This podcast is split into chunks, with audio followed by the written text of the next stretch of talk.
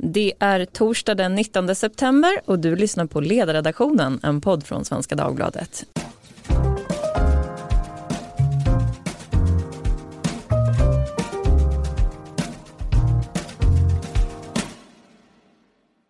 Jag heter Lydia Wåhlsten och idag ska vi prata om att Moderaterna har börjat släppa saker från sin skuggbudget. Och dagens nyhet är att de vill sänka bensinpriset med ungefär en krona per liter. Det och klimatpolitik i stort ska vi prata om idag och det gör vi med två av mina förtjusande kollegor. Maria Ludvigsson och Katarina Kaikäinen. Välkommen. Mm.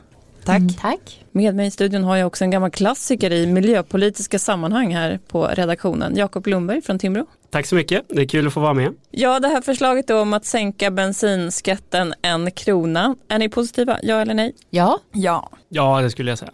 Varför? Ja, alltså det, här, är, det, det, blir en del av en större klimatpolitisk fråga, så är det ju. Eh, jag är ju generellt en förespråkare av att använda marknaden för att hantera klimatpolitiken och det är klart att då är det prissättning på koldioxid som är det bästa sättet. Så om jag måste välja mellan att till exempel höja bensin och dieselskatten eller att slänga en massa miljarder på klimatklivet och sådär, då är det ju bättre att höja koldioxidskatten, alltså i praktiken bensin och dieselskatten då. Eh, sen en annan fråga är då, är det bättre att höja eller att minska utsläppen i Sverige eller i andra länder? Eh, det, det, blir ju nästa fråga då. Sverige har världens högsta koldioxidskatt. Och är det det bästa sättet att höja den ytterligare för att minska utsläppen i Sverige? Eller är det kanske så att man ska jobba med att minska utsläppen utomlands? Jag tycker att det rimmar ganska väl också med Moderaterna. Eh, I partiledarutfrågningen inför valet så tyckte jag Ulf Kristersson var den nästan den enda som var tydlig med att miljöproblemen är större än Sverige. Att det, han var skicklig på att återkomma till att tala om Kinas ansvar till exempel. Eh, och hur liten andel svenskt utsläpp, eh, hur liten andel det egentligen är av det totala. Och, och då blir perspektivet också detta, vem tror vi egentligen att vi är? Om vi fifflar lite med utsläppen och säger så det gör ingen skillnad. Men man vill gärna låta som om vi, allting handlar egentligen om oss. Men det finns ju två saker som egentligen står emot varandra här. Det ena är då att alla tra trafikslag företag ska bära sina egna kostnader och det här tittar då en myndighet som heter Trafikanalys på och då kan man konstatera att framförallt bensinbilar då betalar för mycket och framförallt gäller det här på landsbygden. Men det andra perspektivet är att vi har nationella klimatmål i Sverige. Ett sånt säger då att vi ska få ner utsläppen med 70% till 2030 i transportsektorn.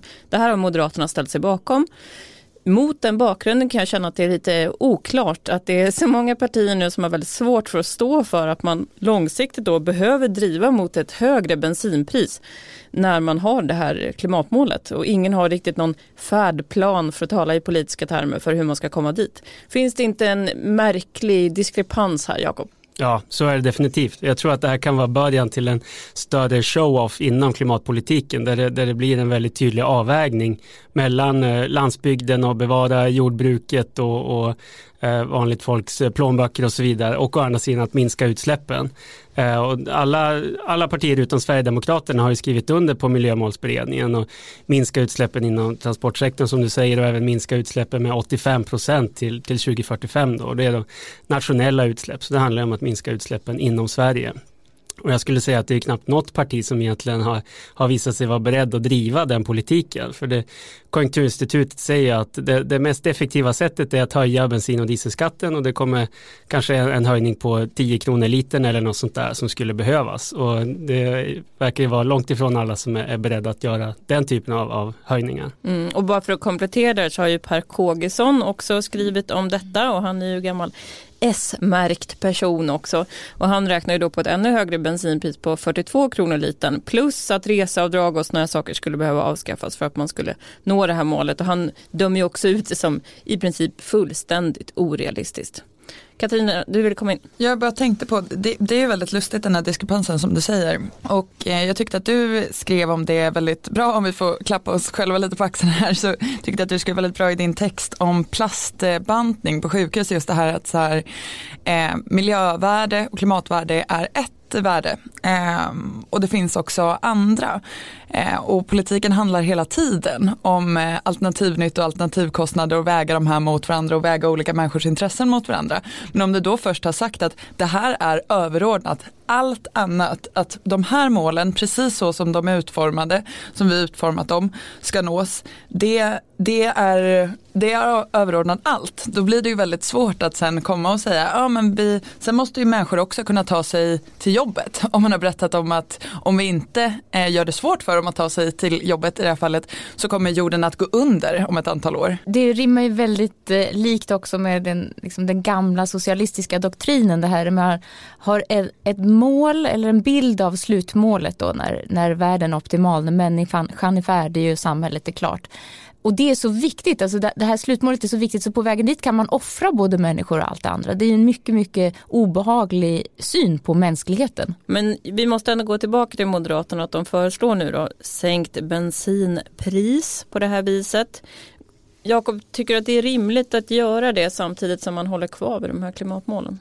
Ja, det är så det som sagt, det är inte bara Moderaterna som har det här problemet med, mellan liksom den här långsiktiga målsättningen och det här med kortsiktiga politiken där det, det, är så uppenbart att det finns en, en clash mellan de här två. Och det, det, man, man, ska inte utesluta, det kanske kommer stora tekniska framsteg eller något sånt där, att allting bara mirakulöst eh, löser sig. Det, det, är ju en möjlig väg. En annan är att det här visar sig vara ganska dyrt och att det här blir nästa invandringsfråga så att säga. Att det blir en, en kamp mellan eh, landsbygden och, Södermalm och så vidare med, med de, de gamla vanliga uppställningarna egentligen. Någon, någon typ av kulturkrig där klimatet står, står i centrum. Det är, det är en annan möjlighet. Det är ju många som har svårt att få de här bilderna att gå ihop. Våra kollegor här i koncernen på Aftonbladet de brukar varva då texter. Ena dagen säger det att Greta Thunberg är en stor ledare och nästa dag så är det att vi måste ta bensinupproret på allvar.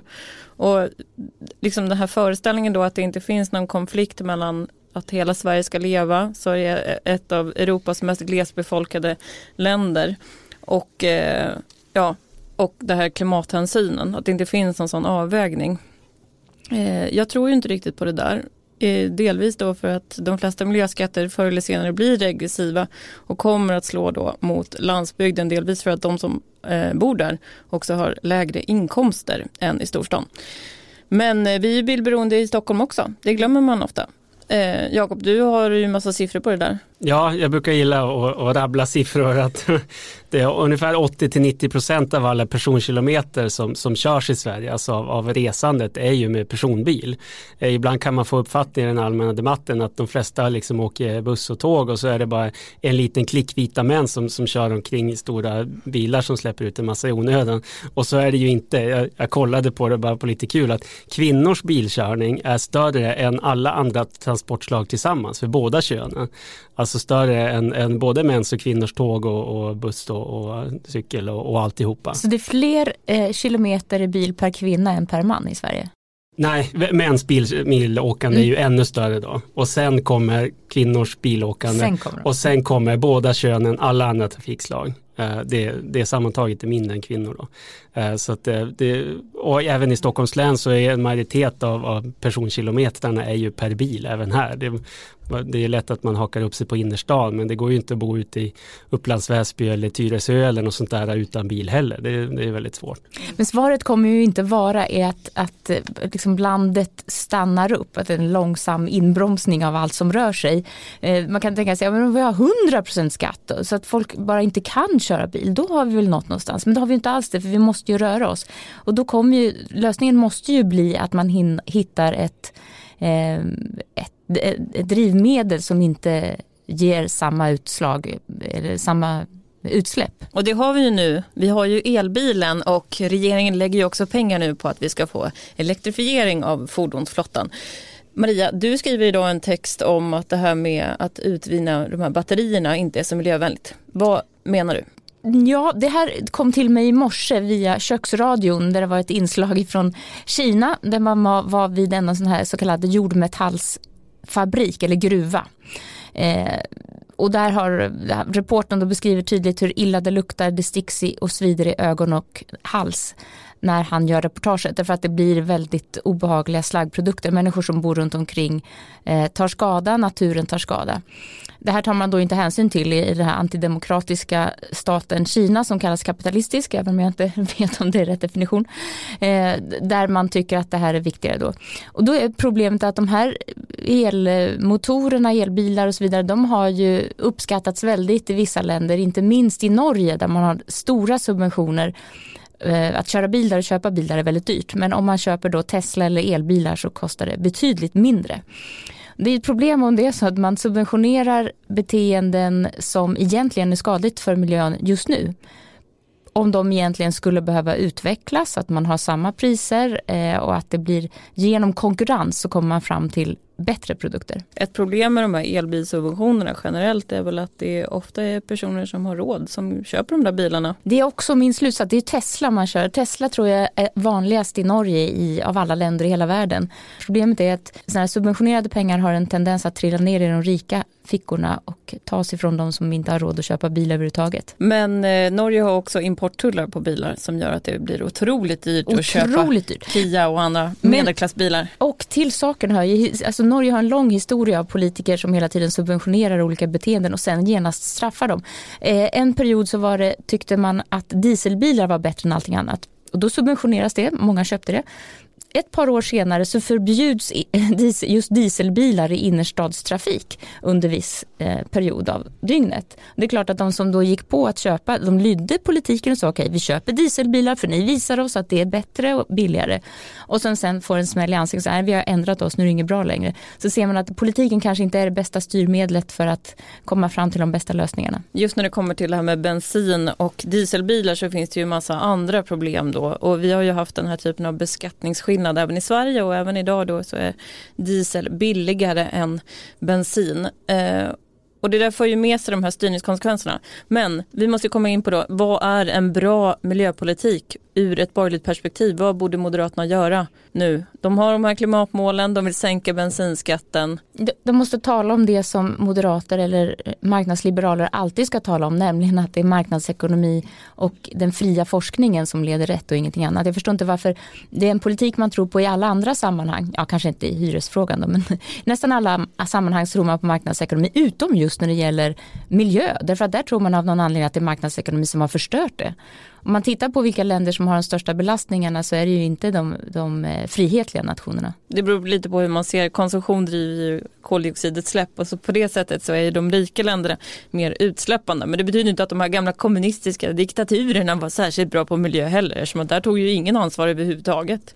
Nej och det är inte där innovation kommer heller. Alltså, innovation kommer ju inte bara av att man har marknadsekonomi utan också ett sätt att tänka på som är frihetligt, alltså att man vågar ifrågasätta auktoriteter och så vidare och det föds i en kontext som sällan är den, den totalitära. Mm. Jag ska bara säga det, vi hade ju eh, en vänsterdebattör här tidigare och då pratade han om någonting som också är sant som man ska lyfta upp i de här sammanhangen att det är ju så att det har ju blivit billigare då att köra bil eftersom att bilarna är betydligt mer bränslesnåla idag än vad de har varit tidigare. Men eh, ja, ett motargument mot det är ju att man kan också förvänta sig en viss levnadsstandardhöjning mm. eh, i och med tillväxt. Så att det är väl inte så konstigt att folk också vill att det ska bli ännu billigare då. Men relativt sett så har det faktiskt inte varit billigare att köra bil än vad det är idag. Jakob? Mm.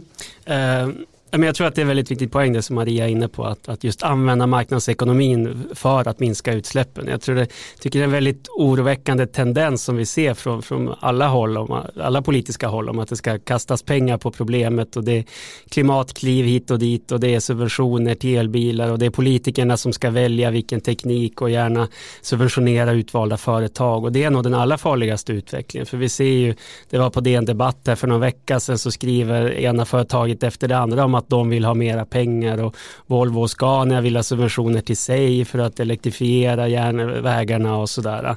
Eh, och det tror jag är en, en väldigt farlig utveckling. Man går in i en sån här public choice-mark där, där eh, företagen slåss om att få subventioner från politikerna. Man kan ju säga att marknaden är hård med rättvis. Alltså den, den kastar ut dåliga idéer, inte nödvändigtvis människor, utan det är de bästa idéerna som överlever. Det händer väl ganska spännande saker inom forskningen om eh, fusion de här eh, senaste åren så finns det någonting som man, om man verkligen vill göra någonting, det vill säga lägga pengar på någonting, vilket politiker ändå brukar vilja göra, inte minst när det kommer till det här området, så tänker jag att ett rejält eh, forskningsanslag, kanske i också europeiskt sammanhang, vore en idé. Det var ju det som lyftes också, ska man säga, i, i, i valrörelsen av bland annat Moderaterna, man skulle satsa mer på kärnkraft och sådär.